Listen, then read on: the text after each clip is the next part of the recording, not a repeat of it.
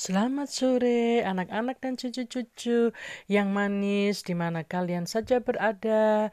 Oma Foni selalu rindu membawakan cerita-cerita dari Alkitab untuk kalian semuanya dan Oma harap kalian sehat-sehat selalu ya. Uh, Oma juga senang dapat selalu berjumpa dengan kalian melalui siaran di podcast Anchor ini ya. Ya, Uh, baik sebelum mendengarkan cerita dari Oma, kita sama-sama masuk di dalam doa ya anak-anak ya. Uh,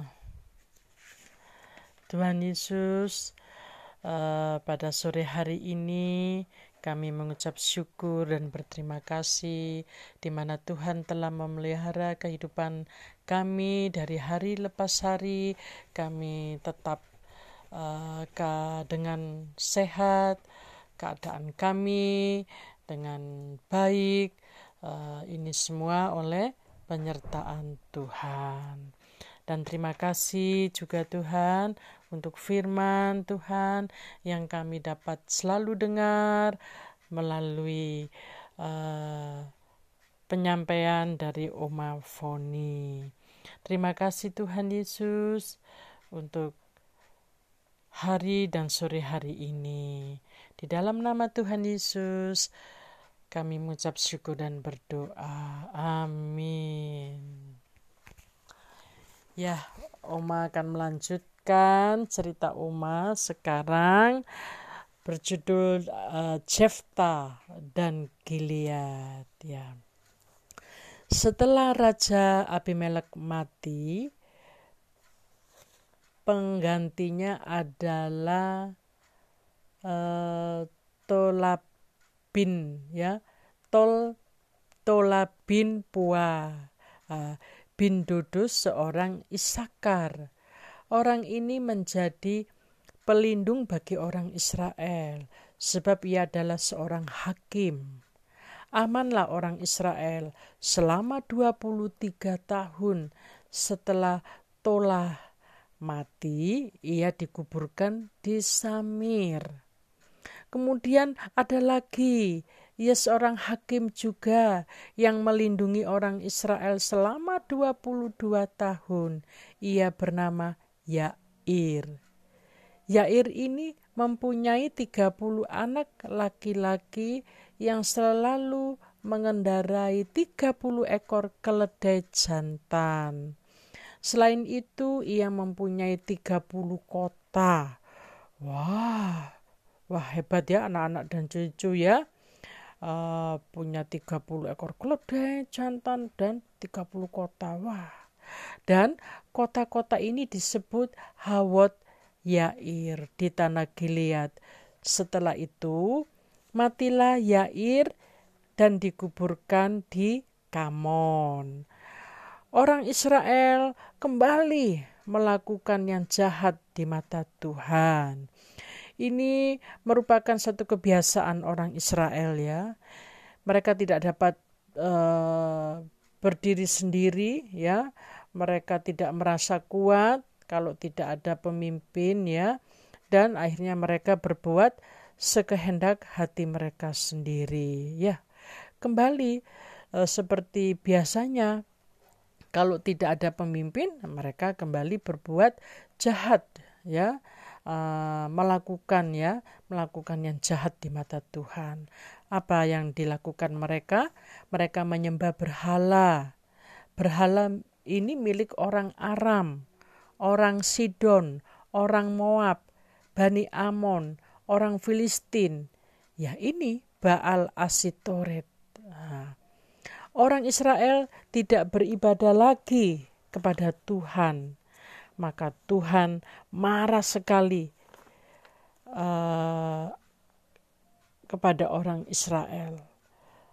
Oleh sebab itu, ya, lalu uh, Tuhan memakai uh, bangsa lain untuk menindas orang Israel, ya.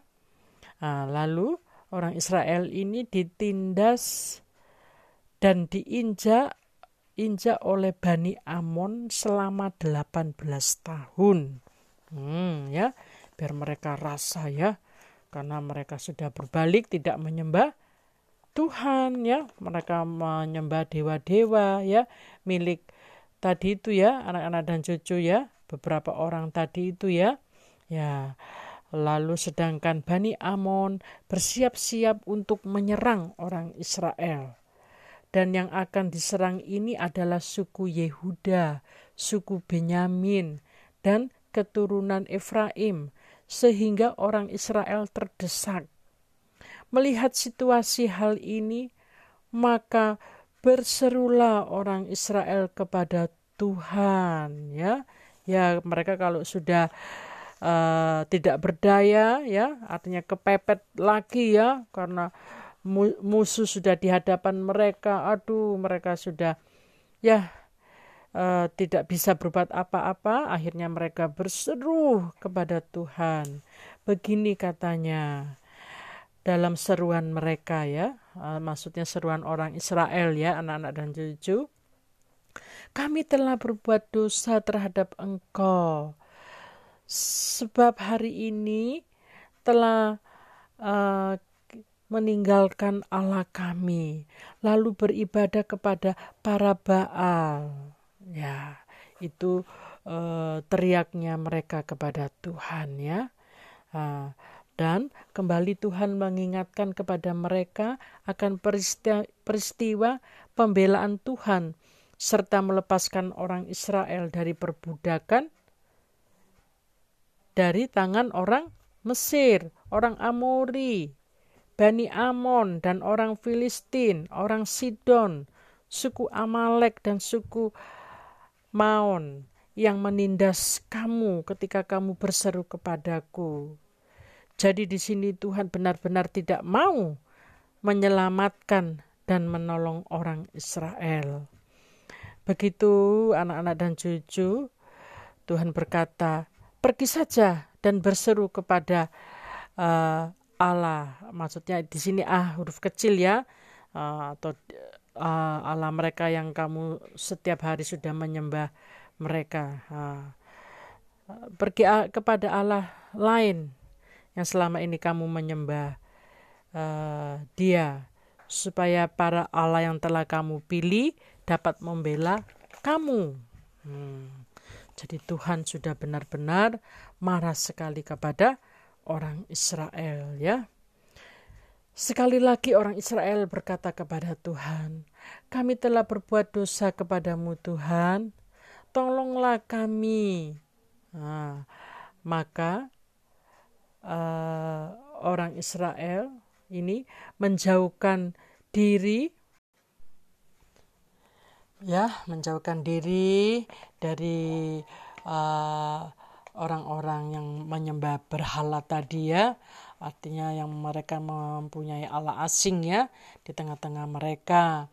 Dan uh, tidak menyembah lagi uh, para Baal itu jadi orang-orang Israel sungguh-sungguh melakukan hal ini benar-benar melakukan hal ini ya uh, mereka tidak menyembah para Baal lagi ya. Nah, Tuhan melihat yang telah dilakukan orang Israel bahwa mereka kembali dan beribadah serta berseru selalu akan Tuhan.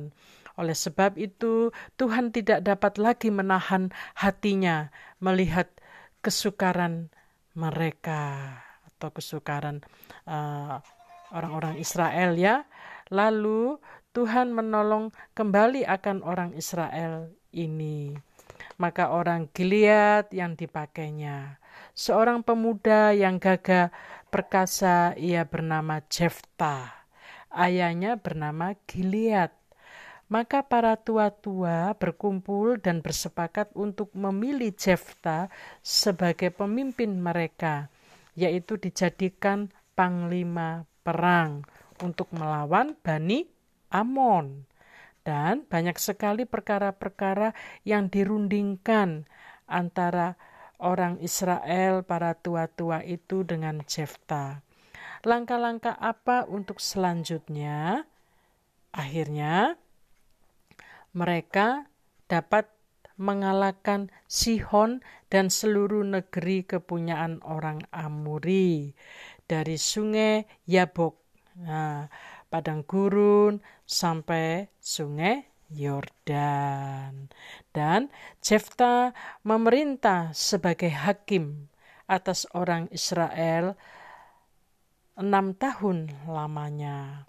Setelah itu, meninggallah Jefta dan dikuburkan di Gilead, tempat asal ayahnya itu. Demikianlah cerita dari Oma untuk anak-anak dan cucu-cucu. Lain hari atau lain waktu Oma akan sambung lagi ya. Uh, kalian harus semangat dan tetap uh, belajar. Ya, Tuhan Yesus memberkati kalian.